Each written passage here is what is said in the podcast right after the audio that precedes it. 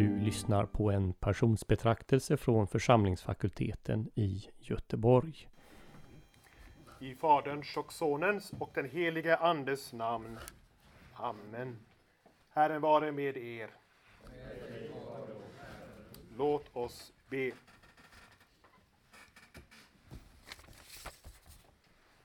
Himmelske Fader, du som inte skonat din egen son utan utgett honom till döden på korset för vår skull.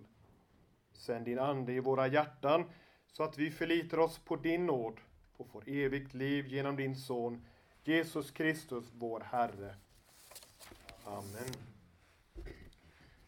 Hör Herrens ord ifrån Matteus evangeliets 26 kapitel från vers 17. På första dagen i det osyrade brödets högtid kom lärjungarna fram till Jesus och frågade Vad vill du att vi gör i ordning så att du kan äta påskalammet? Han svarade Gå in i staden till den och den och säg till honom Mästaren säger, min stund är nära. Jag vill äta påskalammet hos dig med mina lärjungar. Lärjungarna gjorde som Jesus hade befallt dem och gjorde i ordning påskalammet. På kvällen låg Jesus till bords med de tolv. Medan de åt sade han, jag säger er sanningen, en av er kommer att förråda mig. Då blev de djupt bedrövade och började fråga honom, en efter en, det är väl inte jag, Herre?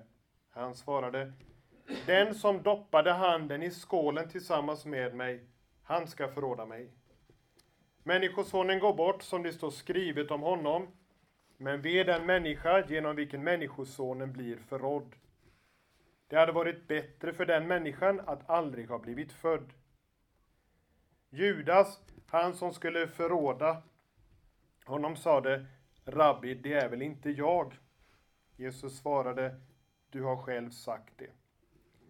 Medan de åt tog Jesus ett bröd, tackade Gud, bröt det och gav åt lärjungarna och sade, tag och ät, detta är min kropp. Och han tog en bägare, tackade Gud och gav åt dem och sade, drick av den alla. Detta är mitt blod, förbundsblodet, som blir utgjutet för många till syndernas förlåtelse.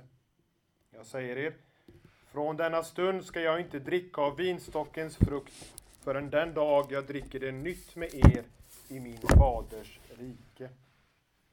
Så lyder det heliga evangeliet. Lovad vare du, Kristus. Helige Fader, helga oss i sanningen.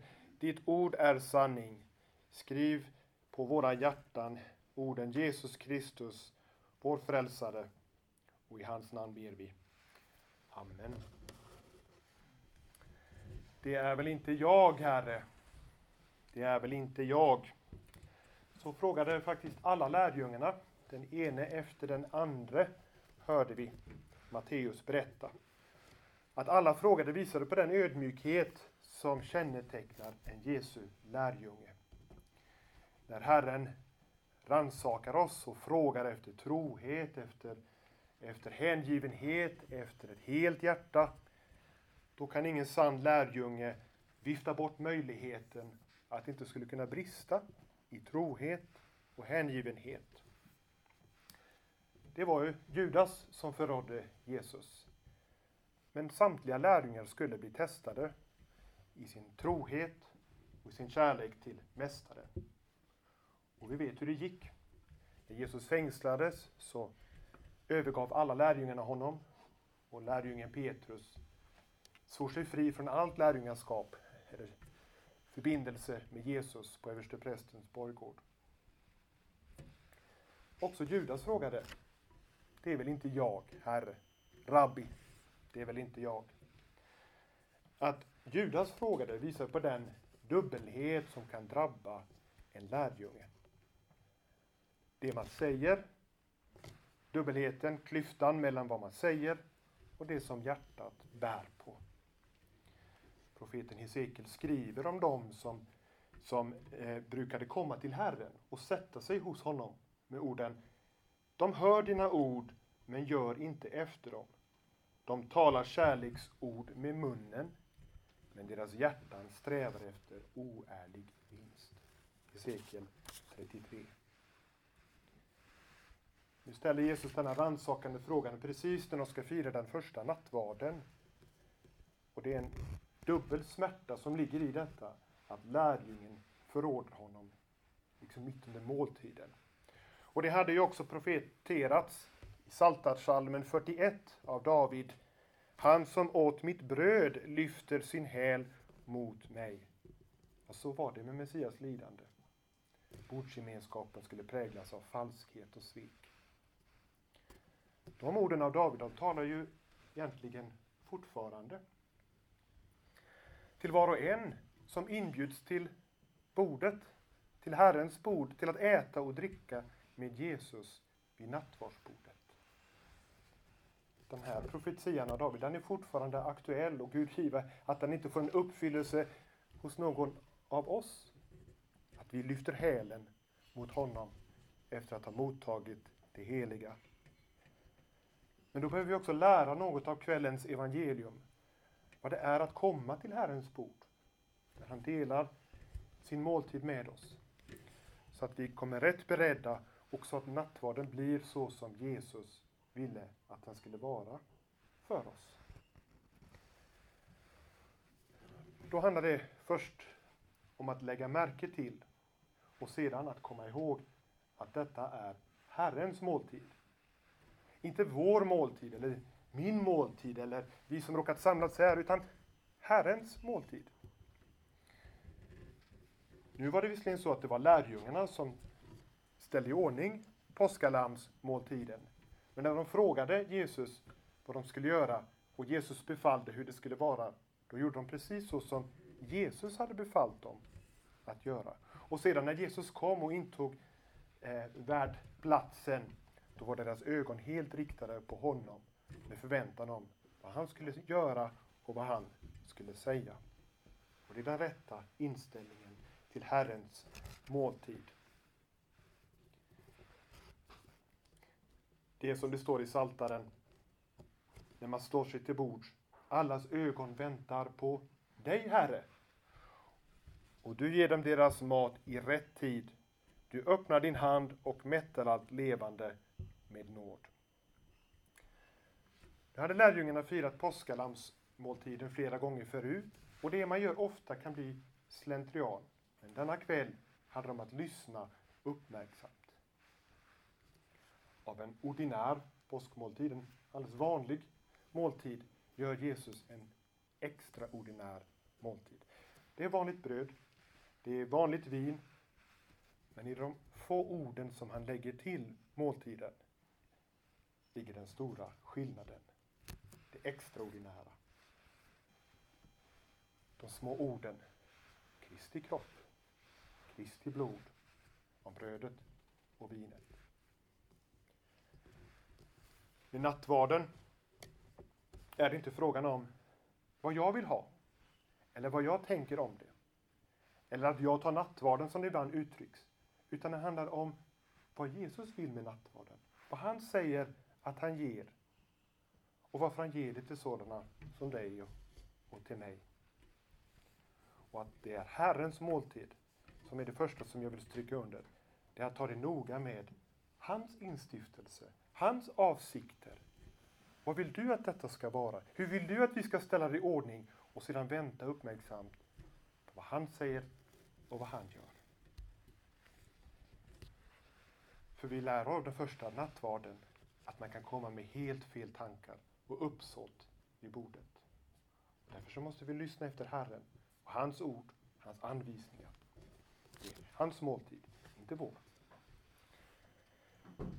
För det andra ska vi komma ihåg, först lägga märke till och sedan komma ihåg i vår nattvardsberedelse att nattvarden är Herrens kropp och Herrens blod. Det finns fyra skildringar av nattvardens instiftelse i Nya Testamentet. De ser lite olika ut, det är olika detaljer, det finns variationer av vad som tas upp och vad som betonas av de olika författarna. Men alla dessa fyra skildringar har detta gemensamt.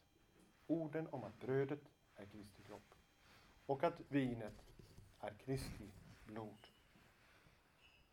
Så också när Paulus tar upp detta med nattvarden i församlingen i Korint i det elfte kapitlet. Men då för att tala om för församlingen att de firade nattvarden på ett ovärdigt sätt. Deras respektlösa, kärlekslösa behandling av varandra, det var illa nog. Men att det skedde vid själva mottagandet av Kristi kropp och blod, det gjorde det hela direkt destruktivt. Det var ju inte bara vanligt bröd och vin.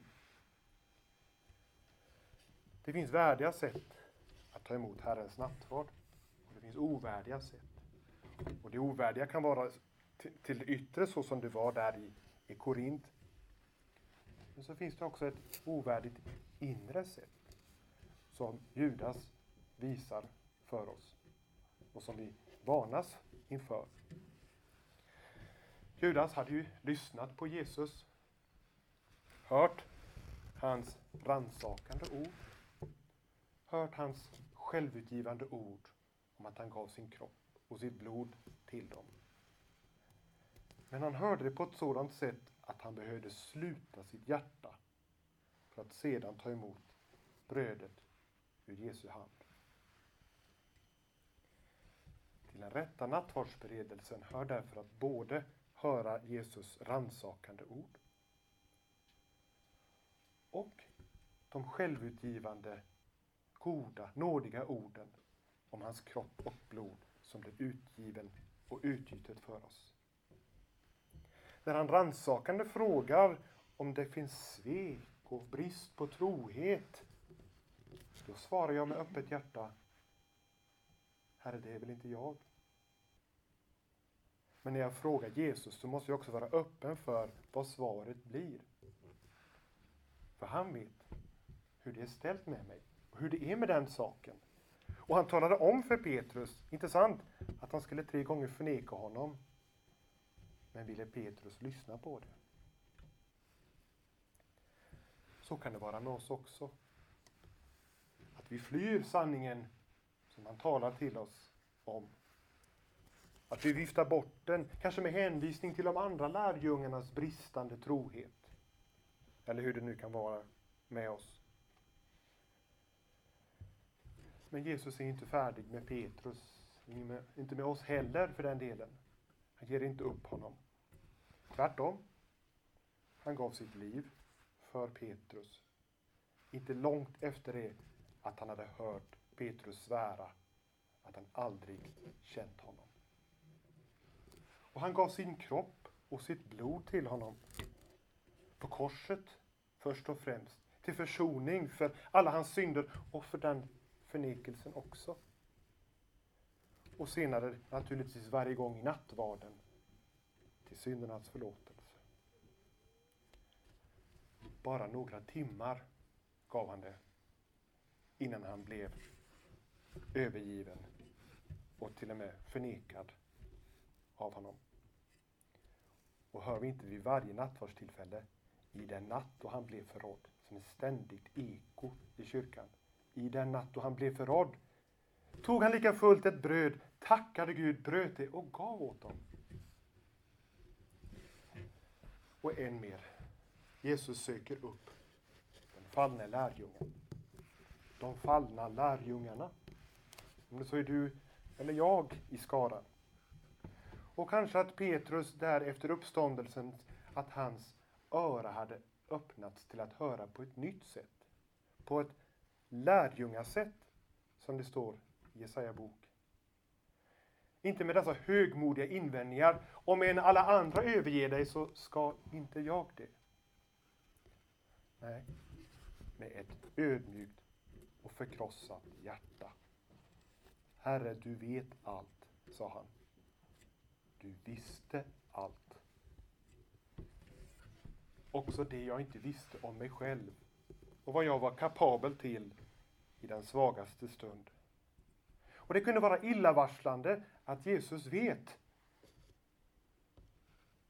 Men nu är Jesus vår försonare.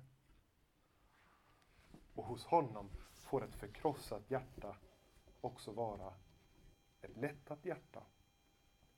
Herre, du vet allt. Och du vet att jag har dig kär, sa Petrus. Den Jesus som inte ger upp om mig. Inte ens förnekaren. Utan ge mig ditt allt, till och med din kropp, till och med ditt blod till syndernas förlåtelse. Till mig också, till dig också. Och när han säger att det är till dina synders förlåtelse så får du ta det till djupet av din själ där det är så svårt att ta det till sig. Vi kan bara föreställa sig hur svårt detta måste ha varit också för Petrus. Skammen över att ha förnekat. Hur kunde jag? Rädslan över att bli förkastad. Men med löftet om det får du ta det till dig och hålla Gud för sann när han talar till dig. Och med löftet om syndernas förlåtelse kommer också hoppet. Det, det, det växer som en, en, en ljusstråle i ett annars mörkt rum. Hoppet om att få vara hans för alltid. Hoppet om den lycka att få vara där med honom och dricka av vinstockens frukt med honom i hans faders rike som han lovat. Till den rätta nattvardsberedelsen hör därför också för det tredje att lägga märke till och sedan komma ihåg att nattvarden är Herrens testamente till syndernas förlåtelse. Det är bara i Matteus evangelium som vi får höra att Jesus gav förbundsblodet till syndernas förlåtelse. Och det får vi särskilt ta till oss detta år när vi följer Matteuspassionen. Det grekiska ordet för förbund kan också översättas testamente, så som i Hebreerbrevet 9.16. Och det var också så som Martin Luther föredrog att översätta de orden. Han brukade tala om det nya testamentet i Jesu blod. Och jag ska här nu inte driva ett, ett språkstudium med men vi kan få låta de orden och den möjliga översättningen ändå få tala till oss i afton. Nattvarden är Herrens testamente, helt enkelt. Och som med alla testamenten så utlovas ett arv. Och det får arvtagarna när testator, den som testamenterar, dör. Lärjungarna hör vad testamentet handlar om. De kan inte lägga till något eller dra ifrån, utan blott lyssna, ta det till sig och respektera hans sista vilja. I händelse av hans död så skulle arvet vara deras. Löftet om syndernas förlåtelse, om att hela skulden skulle vara efterskänkt, allt skulle vara betalt, allt skulle vara färdigt. Och sedan för varje nattvardstillfälle som de skulle fira, ja inte bara de utan också vi, så skulle de kunna säga med de orden, detta var din sista vilja. Din goda och nådiga vilja. Så på ditt ord, Herre, och sedan äta och dricka vad han ställt fram i tro. Kanske har Judas varnande exempel väckt något hos dig, väckt ett allvar. Och det är ett verk av den heliga Ande. För Jesus önskar inget hellre än att du lyssnar och lyssnar uppmärksamt på vad han säger. Det är inte så självklart att man gör det. Och vi lär också av Petrus exempel att det är svårt att ta in när han talar rannsakande ord, men också självutgivande ord. Och har du inte ägnat någon större tanke åt Herrens måltid, så har han ägnat desto större tanke åt dig, också när det gäller denna måltid. Tänk goda tankar. Judas kanske skrämmer dig en aning. Nattvarden skrämmer. Liksom, bättre då att inte ta emot nattvarden. Om det blir honom till dom. Men då frågar du kanske inte så mycket efter hans tankar som efter dina egna. Han kom, inte sant? Inte för att döma världen, utan för att frälsa den. Detta testamente är för dig också. För att hålla detta klentrogna, kluvna bedrägliga hjärta nära hans trogna hjärta tills dess att han kommer åter i härlighet och du känner igen honom som den försonare han alltid varit. Han som är din domare, men du har lärt känna honom vid bordet såsom din försonare och återlösare. Det är väl inte jag, Herre.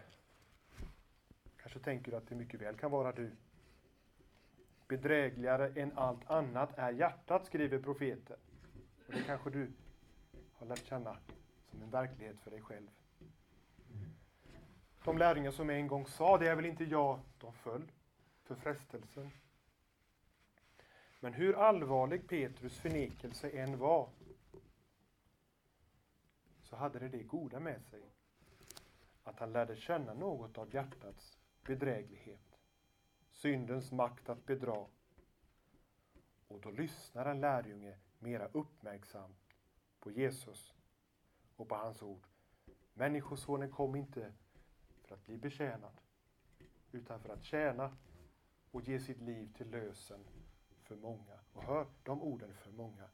För många blir Kristi blod utgjutet över, inte för de få, utan för de många till syndernas förlåtelse, också för dem som känner syndens makt och som sliter med frågan, det är väl inte jag.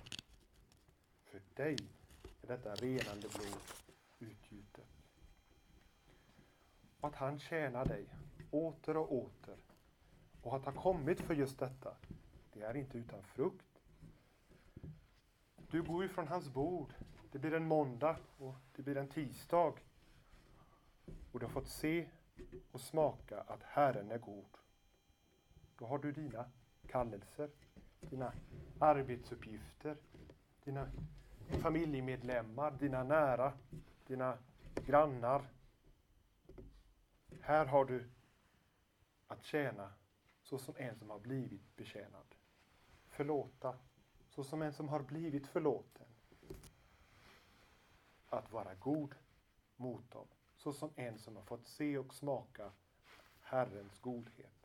Och det saknas inte människor, det saknas inte tillfällen. Det blir aldrig färdigt, men en sak är helt färdigt. Hans fullkomliga frälsningsgärning, testamentet, där ingenting kan läggas till. Som du får höra om denna afton och som du också åter och åter får smaka vid Herrens bord för att du ska finna vila där i det fullbordade och med trons visshet också sedan vara för andra så som han är för dig. Amen. Låt oss be. Outsägligen stor, Herre Jesus, var din kärlek till oss fallna människor, att du för vår skull blev människa och led smälek, ångest, pina och död för oss syndare som annars hade måst evigt dö. Ge oss nåd att alltid föra oss till sinnes och i tro ta emot denna din välgärning så att vi därför lovar dig och ärar dig tillika med Fadern och den helige Ande. Hjälp oss att alltid föra ett kristligt leverne och i all nöd och motgång trösta oss med att du är vår försonare som har förlossat oss från dödens och djävulens våld och som till slut skall ta oss från denna mödosamma värld till dig i himlen där vi i evighet skall fullkomna ditt lov. Amen.